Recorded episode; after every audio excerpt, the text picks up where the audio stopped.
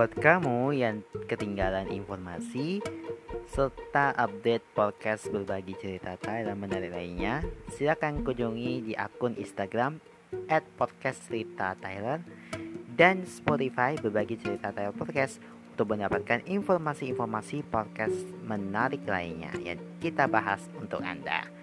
Jangan lupa juga untuk selalu follow akun Instagram at mata underscore underscore dan Twitter at Demata Saputra untuk mendapatkan informasi mengenai program-program unggulan lainnya.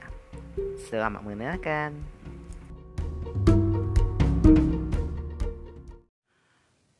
Ini cerita tentang roti manis. Rabu malam di bulan Oktober. Kamu pernah nggak punya mimpi? Atau saat ini kamu punya suatu mimpi yang pingin banget kamu raih. Kata orang, bermimpilah setinggi langit, jadi kalau jatuh pun di antara bintang-bintang. Kalimat bijak itu katanya ampuh memotivasi banyak orang untuk bermimpi. Ya, saat mimpi itu mereka raih, mereka bisa bahagia. Sekalipun mereka gagal, masih banyak kesenangan yang kuba diibaratkan bintang-bintang itu yang mereka bisa syukuri. Namaku Ayumi. Mimpiku sederhana, punya teman karena realita adalah aku yang tidak mempunyai teman.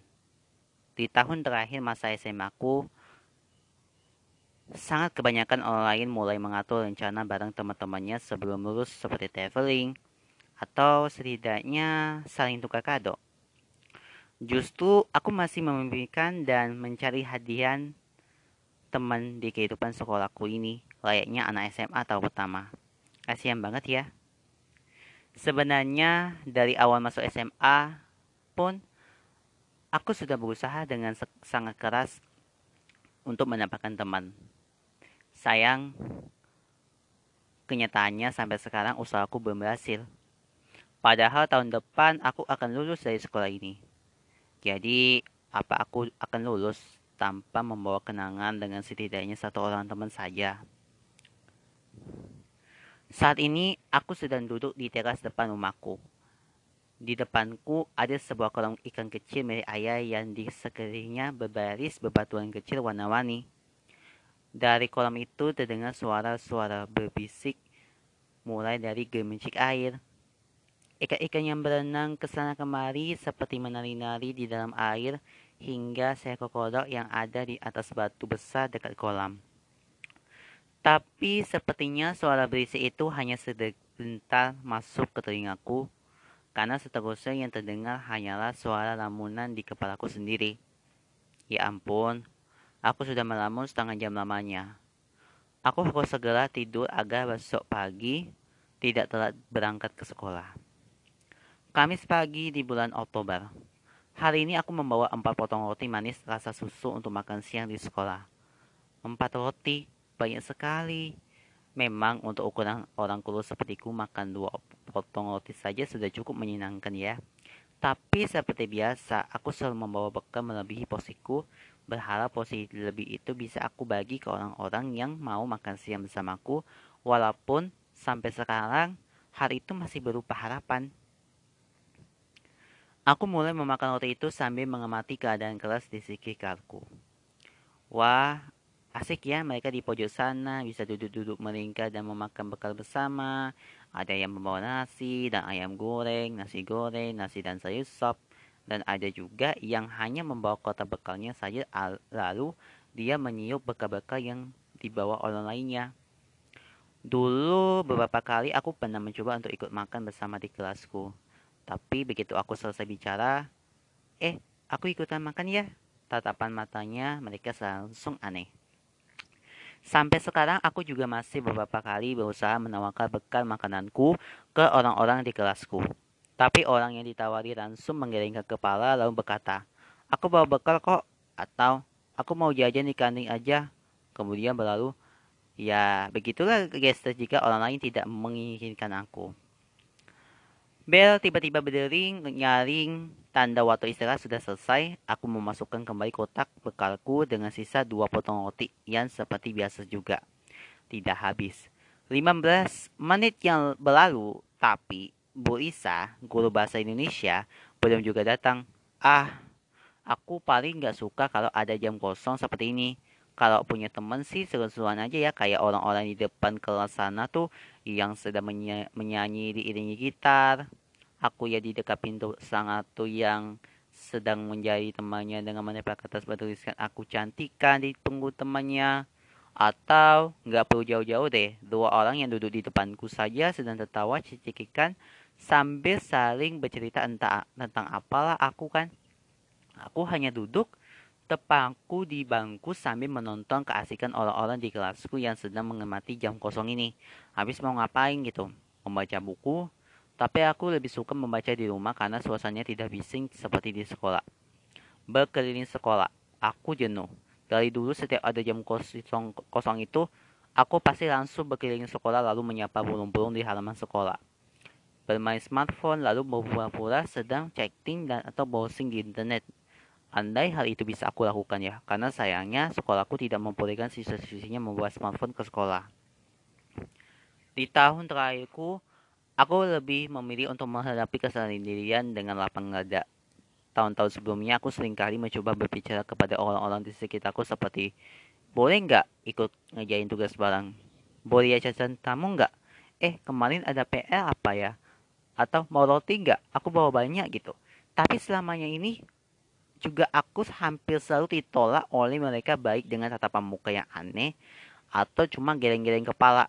Mereka menganggapiku hanya saat aku menyatakan PR kalau hari kemarinnya itu aku nggak masuk sekolah karena oleh karena itu, sekarang aku terlalu takut untuk memulai percakapan. Lebih tepatnya sih terlalu takut gitu untuk kembali ditolak. Bahkan terkadang butuh waktu 10 sampai 15 menit aja bagiku untuk bisa berani lagi berbicara ke orang lain. Isa sudah memasuki ruang kelas. Hari ini kelasku belajar dengan musikalisasi puisi. Suasana kelas begitu hening sampai aku mendengar percakapan orang-orang yang duduk di belakangku. Eh, nyium bau aneh gitu nggak? Hmm, bau apaan? Ya bau aneh gitu, masa nggak kecium? Hah, paling tadi dia. Makanya bawa minyak kayu putih kalau nggak mau kecium baunya. Aku berpura-pura seolah tidak merasa dibicarakan oleh mereka yang dengan tetap duduk tegak menghadap ke depan dan berusaha untuk mendengarkan penjelasan Boisa walau mataku terasa pedih sekali menahan tangis. Sampai akhirnya sebelum pergantian pelajaran, Boisa meminta kelasku untuk membentuk kelompok yang terdiri dari empat orang. Tiap-tiap kelompok itu akan menyajikan sebuah musikalisasi puisi di depan kelas pada dua minggu berikutnya. Oh no, tugas kelompok lagi. Biasanya saat ada tugas kelompok, aku segera dengan segera memberitahu guruku kalau aku mengerjakan dengan secara individu saja gitu. Aku sudah lelah ditolak untuk berkelompok dengan siapa pun di kelasku gitu. E, sebenarnya para guru itu sering mengawali aku ya bantuan untuk memasukkan namaku ke dalam salah satu kelompok, tapi aku menolaknya. Ya daripada kelompok yang menemukan namaku di kelompoknya itu merasa sebel padaku, lalu mereka menjadi membenciku lebih baik aku mengerjakannya sendiri bukan? Aku sudah tidak mempunyai teman. Jadi aku tidak memiliki apa ya ingin memiliki musuh saja gitu musuh juga gitu. Para guru pun memahamiku. Jadi saat ada tugas kelompok dan aku meminta untuk aku kerjakan secara individu gitu.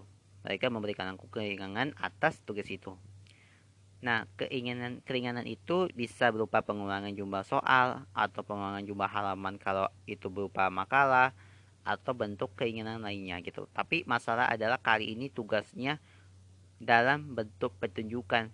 Apa aku akan melakukan dan mempertunjukkan semuanya orang diri gitu. Seorang diri gitu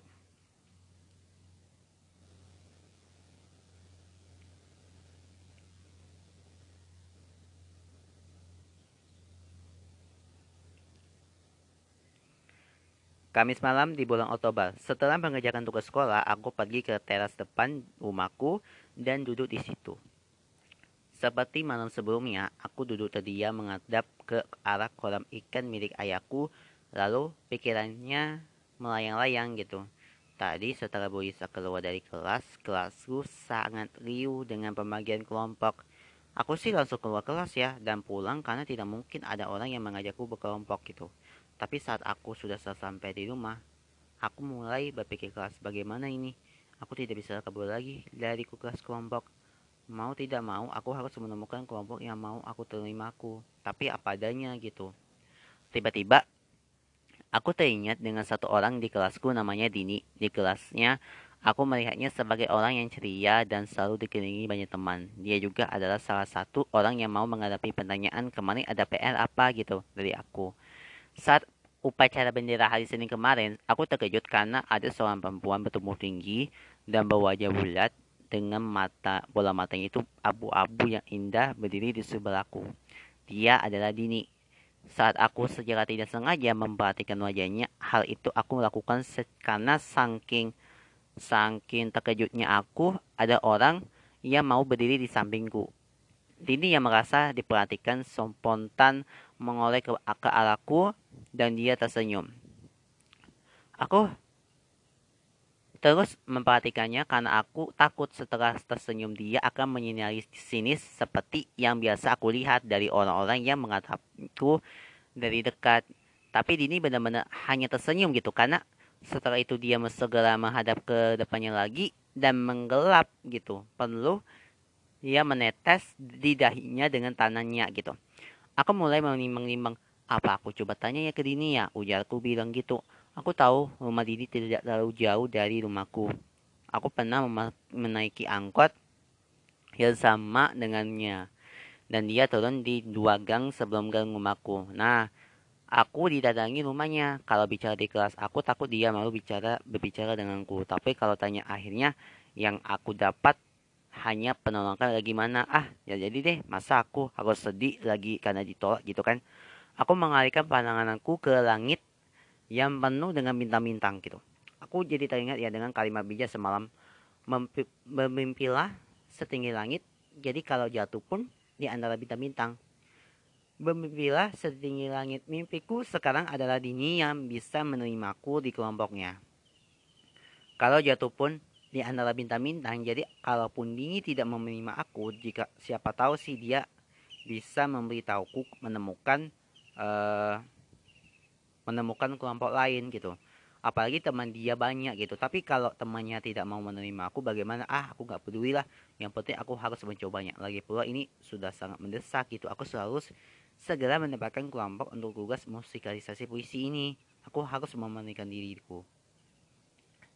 Oleh karena itu sebelum kebanyaku aku ini surut aku segeralah bangun dari dudukku dan pergi ke kamar. Ku ambillah sebuah cagihan putih di lemariku dan memakainya. Sekilas aku menatap pantulan diriku di cermin depan lemari itu. Dan berkata, Ayumi harus berani. Lalu keluar kamar untuk pamit ke ayah dan ibuku dari dan pergi ke rumah Dini gitu. Sesampainya di depan gang rumah Dini, aku bingung saat melihat begitu banyak rumah di depanku. Untunglah tak terlalu jauh gitu di depanku kan ada beberapa bapak-bapak yang sedang duduk di salah satu rumah itu. E, permisi pak, kataku pak. Dah, bapak-bapak itu, maaf mau nanya, rumahnya Dini di sebelah mana ya? Kemudian bapak yang memakai baju berwarna orang itu menjawab sambil menunjukkan tangannya ke suatu arah. Itu deh, yang di depan ada motor warna biru putih. Aku langsung melihat ke arah yang dituju bapak itu, lalu berterima kasih disertai dengan anggukan kecil. Aku pun menuju rumah yang diarahkan oleh bapak tadi, melihat uh, pintu rumah ini yang tidak sedikit terbuka gitu. Aku ragu, apa benar yang kulakukan ini gitu. Tapi aku segera menyingkirkan keraguan itu, perlahan kakiku melangkah ke depan pintu rumahnya. Permisi, sautku berkali-kali dari depan rumah pintu rumahnya Dini. Tak lama kemudian, Dini terlihat berjalan menuju pintu. Saat matanya melihatku, aku menangkap keterjukan dan keherangan dari gestonya.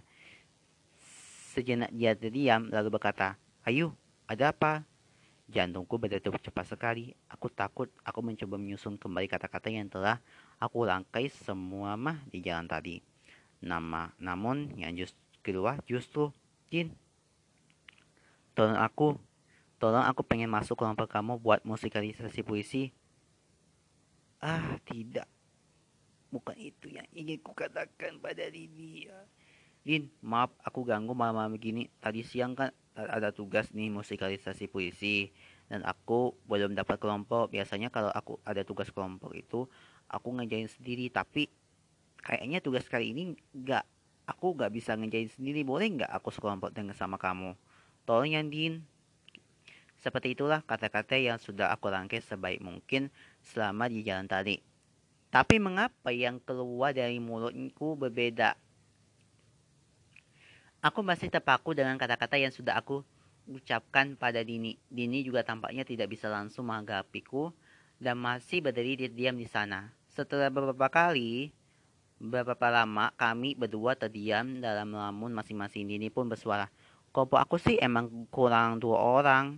Baru ada aku sama Gea. Terus aku mau ngajak Nena besok. Tapi kamu ada jeda di ucapannya. Ya udah deh boleh. Soalnya Sabtu besok aku mau langsung latihan. Jadi harus cepat lengkap orangnya gitu. Ajaib katanya gitu. Dini menerimaku. Mendengar hal itu aku tidak bisa lagi menahan senyumku.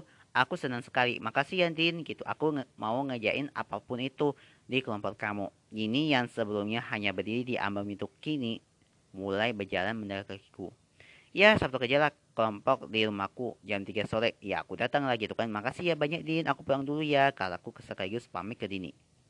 Nah, aku berjalan pulang menuju rumahku. Sesekali aku menoleh ke rumah Dini lalu senyum-senyum sendiri. Aku tidak menyangka ya Dini akan menerimaku di kelompok. Itu suatu keajaiban gitu. Aku tidak peduli apa alasannya sampai ini mau. Yang penting aku sudah berhasil nih untuk berani berbicara padanya dan dia menerima aku. Ah, malam ini lega sekali kan gitu kan. Sesamanya di rumah, ku lepaskah cagianku dan berjalan ke dapur untuk meminum obatku. Dan aku masih tidak bisa berhenti tersenyum. Dan aku senang sekali karena usaha kelasku itu berhasil gitu. Oke, satu pagi di bulan Oktober, aku sedang berada di dapur di hadapanku yang sudah berjejer bahan dan peralatan yang untuk membuat kue gitu. Ya pagi ini aku akan membuat kue coklat untuk dibawa saat kerja kelompok sore nanti.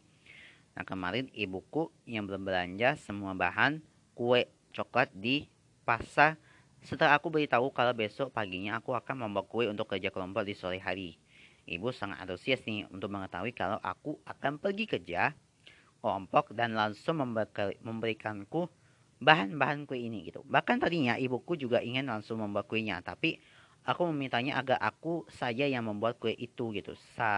Semalam ya aku juga sudah mempelajari beberapa video tutorial membuat kue coklat. Jadi dengan dengan modal ya, dengan modal videonya itu dan semua bahan ini aku berharap bisa membuat kue coklat itu yang enak untuk kelompokku. Tapi ternyata membuat kue itu bukan hal yang mudah untuk di, dikerjakan gitu. Hari yang sudah siang dan sudah tiga kali juga kue hasil pangananku gagal. Suara bersih yang aku hasilkan di dapur sejak pagi mengundang ibuku datang melihat bajuku yang sudah hampir penuh dengan noda tepung, coklat, dan basah di sana sini. Ibu mengeluarkan bantuan padaku spontan. Aku memeluknya dan mengiyakan tawarannya. Kami pun membuat kue coklat itu bersama dan akhirnya menghasilkan kue coklat yang manis dan tidak bantet. Tidak seperti hasil pangananku sebelumnya.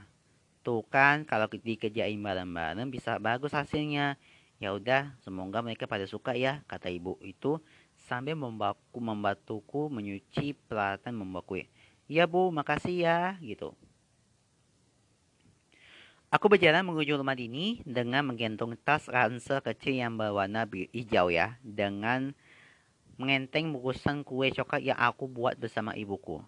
Sesampainya di rumah Dini, ternyata di sana sudah ada Gea dan Lena yang sudah sudah oh ya sedang yang sedang duduk ya ya di atas kapet di teras rumahnya di depan rumahnya Dini ini. Eh ayo, duduk di kapet aja. Aku mau ngambilkan minum dulu. Dini menyuruhku untuk duduk bersama Gea dan Lena sementara dia masuk kembali ke dalam rumah. Nah, Gea dan Lena ini tampaknya tidak begitu menghiraukan kedatanganku karena sedari tadi mereka asik bermain dengan smartphone-nya gitu. Aku pun duduk agak jauh dari mereka berdua dan menaruh bungkusan kue coklat itu di depanku. Aduh, kok aku jadi lagu begini ya gitu. Apa mereka benar-benar akan menyukai kue coklat ini gitu? Jangan jangankah menyukai? Apa mereka mau menerima kue coklat ini gitu? Sepertinya aku nggak uh, jadi menawarkan kue coklatnya. Aku takut mereka tidak mau tidak mau ya. Dan akhirnya kue coklat ini aku bawa pulang kembali dengan utuh. Tapi aku sudah sudah membuatnya susah payah sejak pagi. Bahkan ibuku juga sudah membantuku. Tini datang kembali membawa nampang berisi 4 gelas sirup berwarna merah dan dua toples kue kering. Oh harus berani, kemarin saja aku berani bicara ke Dini. Sekarang aku juga harus berani membawakan kue ini kepada mereka. Aku bawa kue coklat, mau nggak gitu? Kataku akhirnya sambil mengangkat bungkusan kue coklat itu. Gea dan Lena berhenti mengatap layar smartphone-nya kemudian mengoleh ke arahku. Nini menaruh nampan itu di tengah-tengah kami berempat kemudian duduk. Mereka bertiga pun saling berpandang dan terlihat ragu. Apa mereka tidak mau ya menerima kue coklat ini? Sepertinya mereka tidak akan mau menerimanya. Karena mereka tahu aku yang membuat kue ini. Oh iya, aku bilang saja kalau kue ini aku beli di toko kue, jadi kan bukan aku yang membuatnya gitu. Ini aku beli tadi di toko dekat pasar. Aku pun pasar berbohong sambil berharap menerima mereka ya akan mau menerima kuenya. Hmm, boleh deh. Aku mencoba bungkusan itu dan menawarkan kue coklat pada mereka bertiga. Dini yang pertama kali mengambil potongan kue coklat lalu memakannya. Wah, enak nih. Gea dan Lena pun ikut mengambil potongan kue sedengah setelah mengucap mendengar ucapan Dini. Lena mengangguk seakan menyetujui ucapan Dini. Pada akhirnya mereka bertiga menikmati kue coklat dan bahkan dalam waktu 5 menit, 15 menit saja kue coklat itu hanya menyisakan 4 potong saja. Aku tidak ikut memakan kue coklatnya dan aku hanya ingin menghadap menghadap pemandanganku yang sangat asing bagiku ini. Asing namun sangat menyenangkan. Sekali lagi ternyata aku berhasil meraih potongan impianku. Setelah mereka makan, mak kami mulai mendiskusikan tentang tugas musikalisasi puisi dari Bu Lisa. Sore itu kami memutuskan untuk memberi puisi W.S. Lenda yang berjudul Tuhan Aku Cinta Padamu. Ia akan dimusikalisasikan secara akapela karena Dini dan Lena anggota grup akapela di sekolahku. Jadi dari empat anggota kelompok ini, Gea akan mendeklamasikan puisi di awal pengambilan. Lalu aku yang akan meng memusikalisasi puisi itu bersama Dini dan Lena yang akan berakapela mengiriku. Aku tidak keberatan dengan pembagian tugas itu karena aku menyukai puisi W.S. Lenda itu. Mengapa membaca puisi Tuhan aku cinta padamu gitu. Rasanya aku bisa memberi memahami makna yang disampaikan W.S. Lenda ini. Kami juga memutuskan akan berlatih tiga kali dalam seminggu. Sampai pengambilan musikalisasi puisi ini dua minggu lagi atau pada pertengahan bulan November. Menjelang maghrib, aku pulanglah dari rumah dini dengan perasaan senang dan sangat senang aku baru saja mendapat pengalaman yang tidak pernah kusangka gitu. Selama di rumah ini tadi, aku merasakan bagaimana menyenangkan bisa kerja kelompok bersama orang lain, walaupun aku bas lebih banyak diam dan menyetujui saja usul mereka. Dan yang utama, kue coklatku diterima waktu aku terpaksa berbohong pada mereka. Tapi aku senang sekali mereka karena mereka tampak sangat menyukai kue coklat itu, terbukti dengan ringannya bungkusan kue yang sedang aku tentang ini. Sepanjang perjalanan menuju rumahku, hatiku diselimuti perasaan senang dan nyaman. Ah, semoga besok akan ada kesenangan lainnya gitu. Kayaknya ini ceritanya masih panjang ya, guys. Lanjut aja ya. Oke. Labu malam di bulan November. Kali ini aku pergi ke rumah cukup malam, pukul setengah sembilan sampai di rumah. Itu karena ini merupakan hari terakhir aku dari dan kelompokku latihan musikali puisi sebelum tampil pada esok harinya. Aku bersyukur kelompokku sudah makin mantap dalam berlatih. Tini, Gea, dan Lena juga sangat sempat memuji suaraku yang semakin terdengar jelas dan lantang karena di awal-awal latihan suaraku terdengar sangat kecil. Selama kami berlatih, aku pun selalu membawa kue coklat untuk dimakan Lini, Gea, dan Lena. Mereka seakan tidak bosan memakan kue coklat itu dan aku sangat senang. Ya, walaupun aku juga harus berbohong terus dengan menyatakan kue coklat itu aku beli di koko gitu. Aku sangat menikmati proses latihan musikalisasi puisi ini. Banyak hal yang membuatku senang mulai dari ikut terlibat dalam kerja kelompok, melihat Dini, Gea, dan Lena memakan kue coklatku dengan lahap, hingga menonton perlombaan kue makan kue coklat antara Dini dan Gea. Perlahan Gea dan Lena pun mulai mau membicara denganku walau hanya sedekah, eh, ayo datang, kerasin suaranya lagi yuk, gitu. Atau pulang dulu ya yuk, gitu. Tetap saja itu suatu progres bukan? Oh no, ini udah sudah pukul 10 malam ya. Jadi aku harus segera untuk tidur agar besok aku bisa fit nih. Untuk berangkat ke sekolah agar tampil musikalisasi puisi ini, aku pun segera mematikan lampu kamar untuk tidur. Kami siang di bulan November. Ibu Lisa masuk ke ruang kelasku bersama satu asistennya yang mengawui sebuah kamera yang dan sebuah membawa sebuah tripod gitu. Kelasku yang tadinya ramai orang semua oleh suara orang-orang yang sedang berlatih kini mulai hening. Gimana? Udah siap kan buat tampil musikalis puisi? Tanya Brisa sambil meliau duduk, sudah duduk di kelasnya. Sudah bu. Oke bagus. Ibu mau ngasih tahu dulu. Tad, jadi kalian tampilnya ibu kerekam ya. Nanti pengambilan terbaik dari seluruh kelas 12 ibu akan ibu ajukan buat dikirim ke panitia lomba musikalis puisi tingkat provinsi. Mendengar perkataan Ibu Lisa, sontak kelasku protes. Ya, Bu, kok baru bilang sekarang mana tingkatnya ketinggian lagi, Bu? Iya kan coba-coba, tinggal ngirim kok siapa tahu beruntung ya kan gitu. Akhirnya mau nggak mau kelas kami menerima saja. Setelah kamera dan tripod terpasang di tengah ruang kelas, Ibu Lisa langsung mulai penilaian kelompokku memulai uh, mendapatkan urutan tampil ketiga gitu. Waktu semakin dekat menuju tampilan penampilan kelompokku dan aku semakin merasa gugup. Aku takut suaraku akan terdengar sangat kecil seperti saat awal latihan karena saking gugupnya tampil di depan orang lain. Oke, kelompok tiga, seru Lisa mengalihkanku yang sedang mengamun. Kulihat ini Gia dan Lena dengan percaya diri sudah berjalan ke depan kelas. Aku pun segera mengekorkan mereka. Kami akan memusikalisasi puisi W.S. Rinda yang berjudul Tuhan Aku Cinta Padamu. Gaya membuka pengampilan kami. Orang-orang di kelasnya yang ada di hadapanku saat ini tanpa heran melihat aku ada di antara kelompokku. Sebagian dari mereka berbisik-bisik dengan mata yang tanpa sinis melihat ke arahku. Aku mencoba menguatkan mental dan hatiku. Aku harus tampil sebaik yang aku bisa dihadapkan orang-orang ini.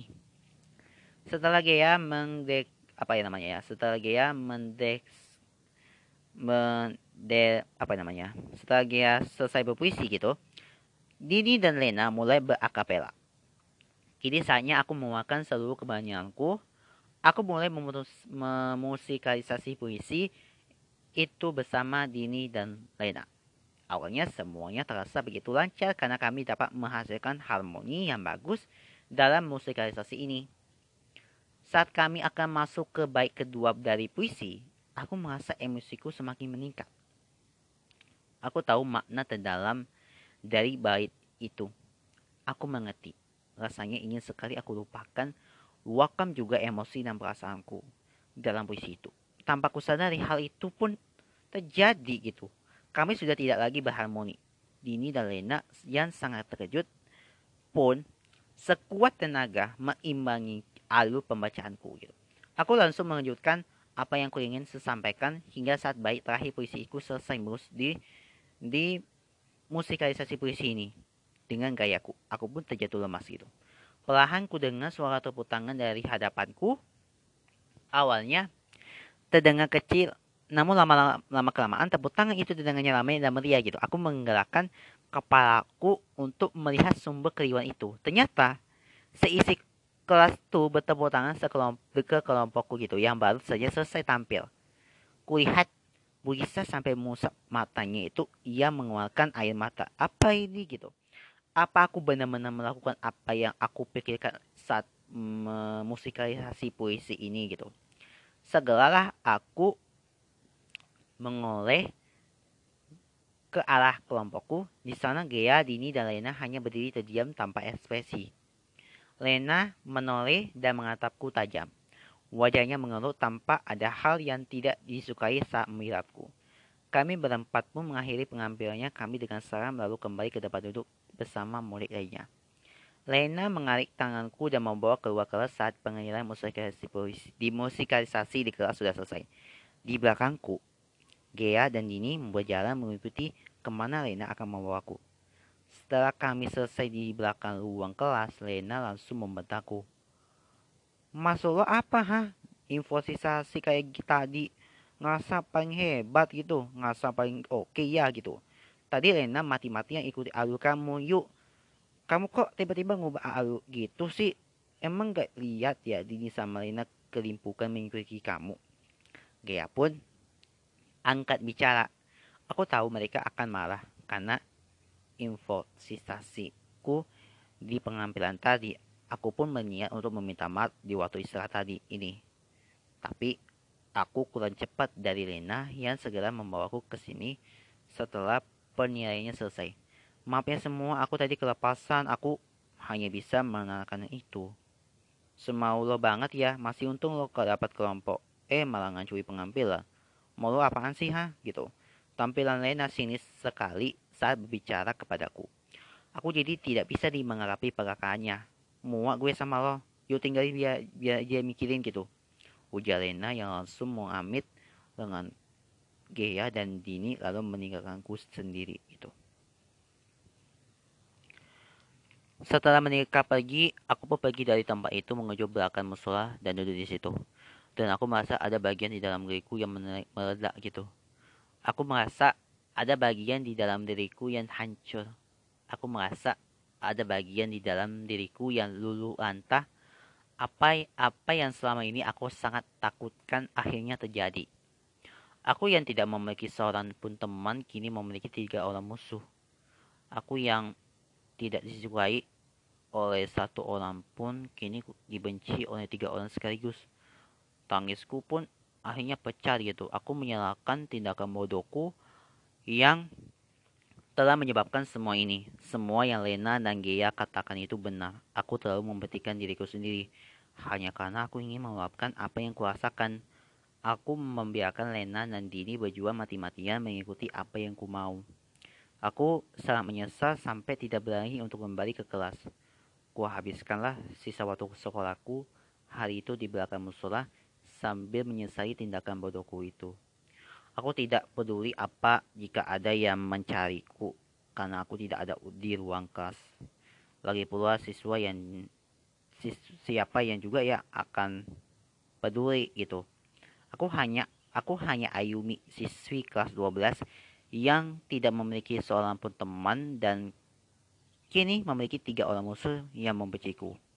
Aku duduk menghadap pohon-pohon pisang yang susang sedang ditebang batang pohonnya itu sudah kering dan mati, kemungkinan besar buahnya sudah dipetik dahulu sebelum pohonnya ditebang. Ya, pohon pisang tidak akan mati sebelum ia berubah dan bermanfaat bagi makhluk hidup lainnya. Ini rasanya hidupku ras bisa seperti pohon pisang itu, tapi setelah semua yang terjadi hari ini, apa aku bisa gitu?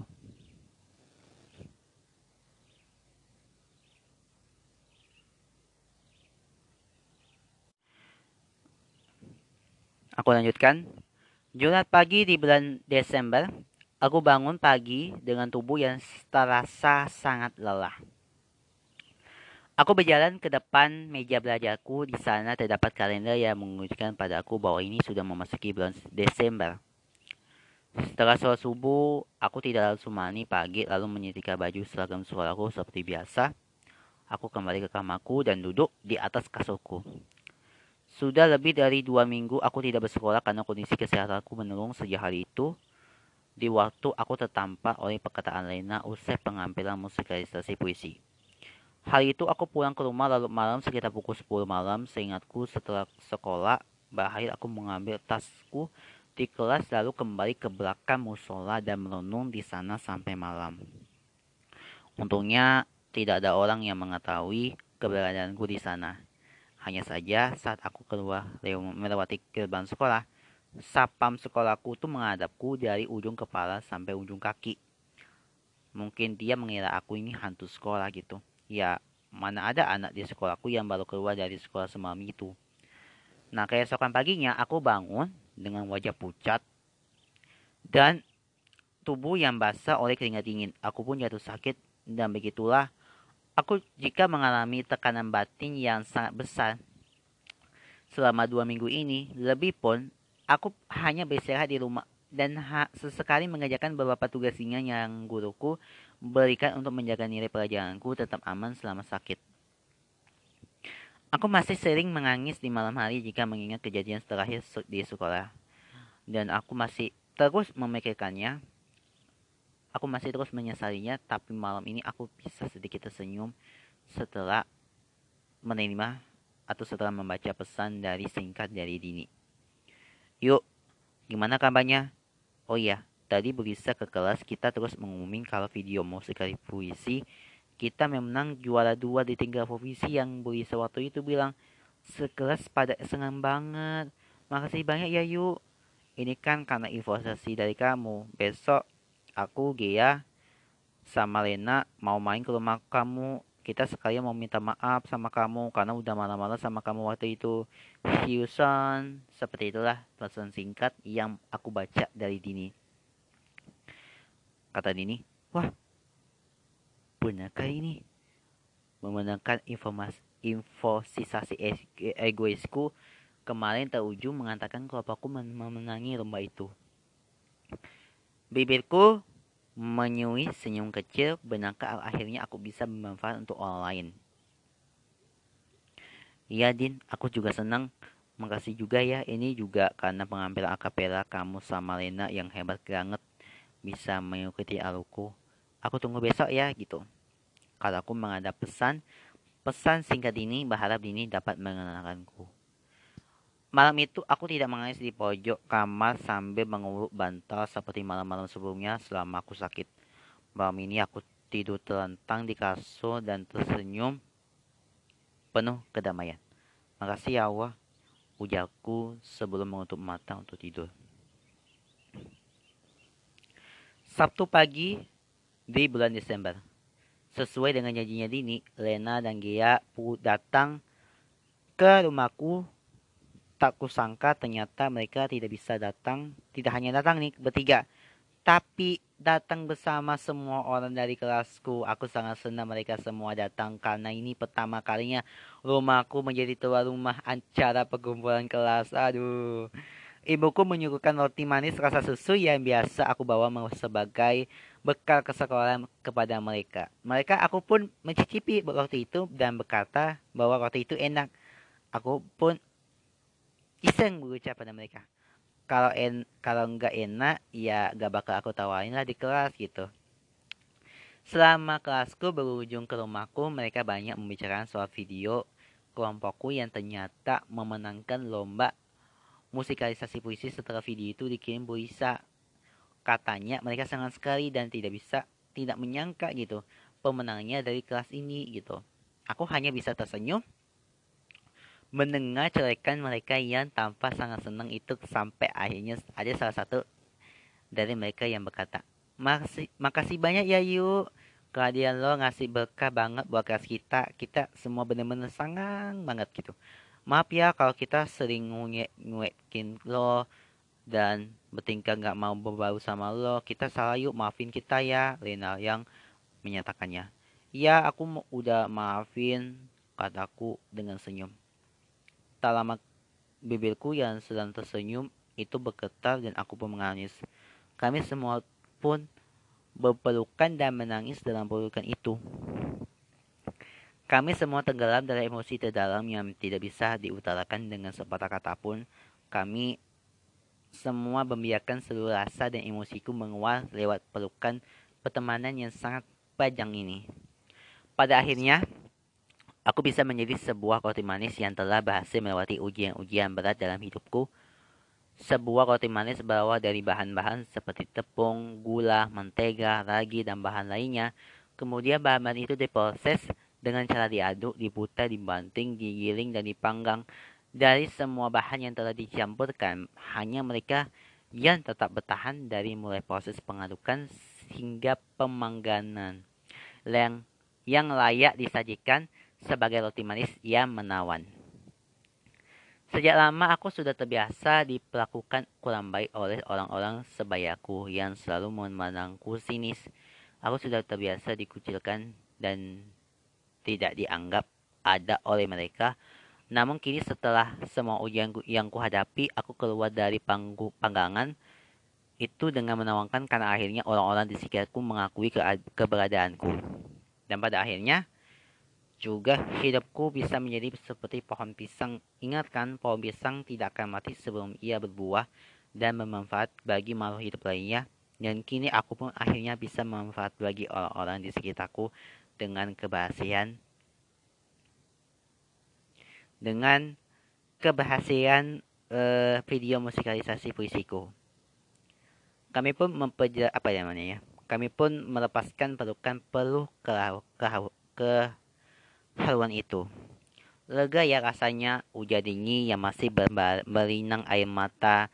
Pokoknya mulai sekarang kita semuanya harus kompak ya kita harus bareng-bareng terus dan berteman sama semuanya ya kan yuk kita semua teman mendengar ucapan ini aku mengangguk dan tersenyum dengan penuh kebahagiaan aku bahagia karena akhirnya aku memiliki teman tidak hanya satu tapi banyak sekali semua orang di kelasku ini berteman denganku dan aku sangat bahagia dengan hal itu terima kasih ya Allah terima kasih teman-temanku dan aku merasa amat sangat bahagia walaupun kini udah dua bagian terpenting dari diriku telah terpisah. Oke, puisinya adalah Tuhan, aku cinta padaku, padamu karya W.S. Linda.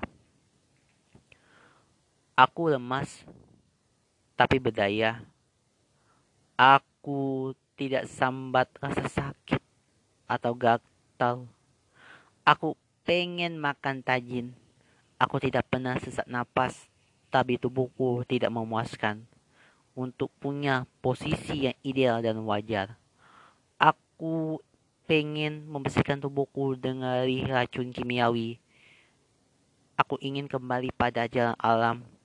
Aku ingin meningkatkan pengabdian kepada Allah. Tuhan, aku cinta padamu.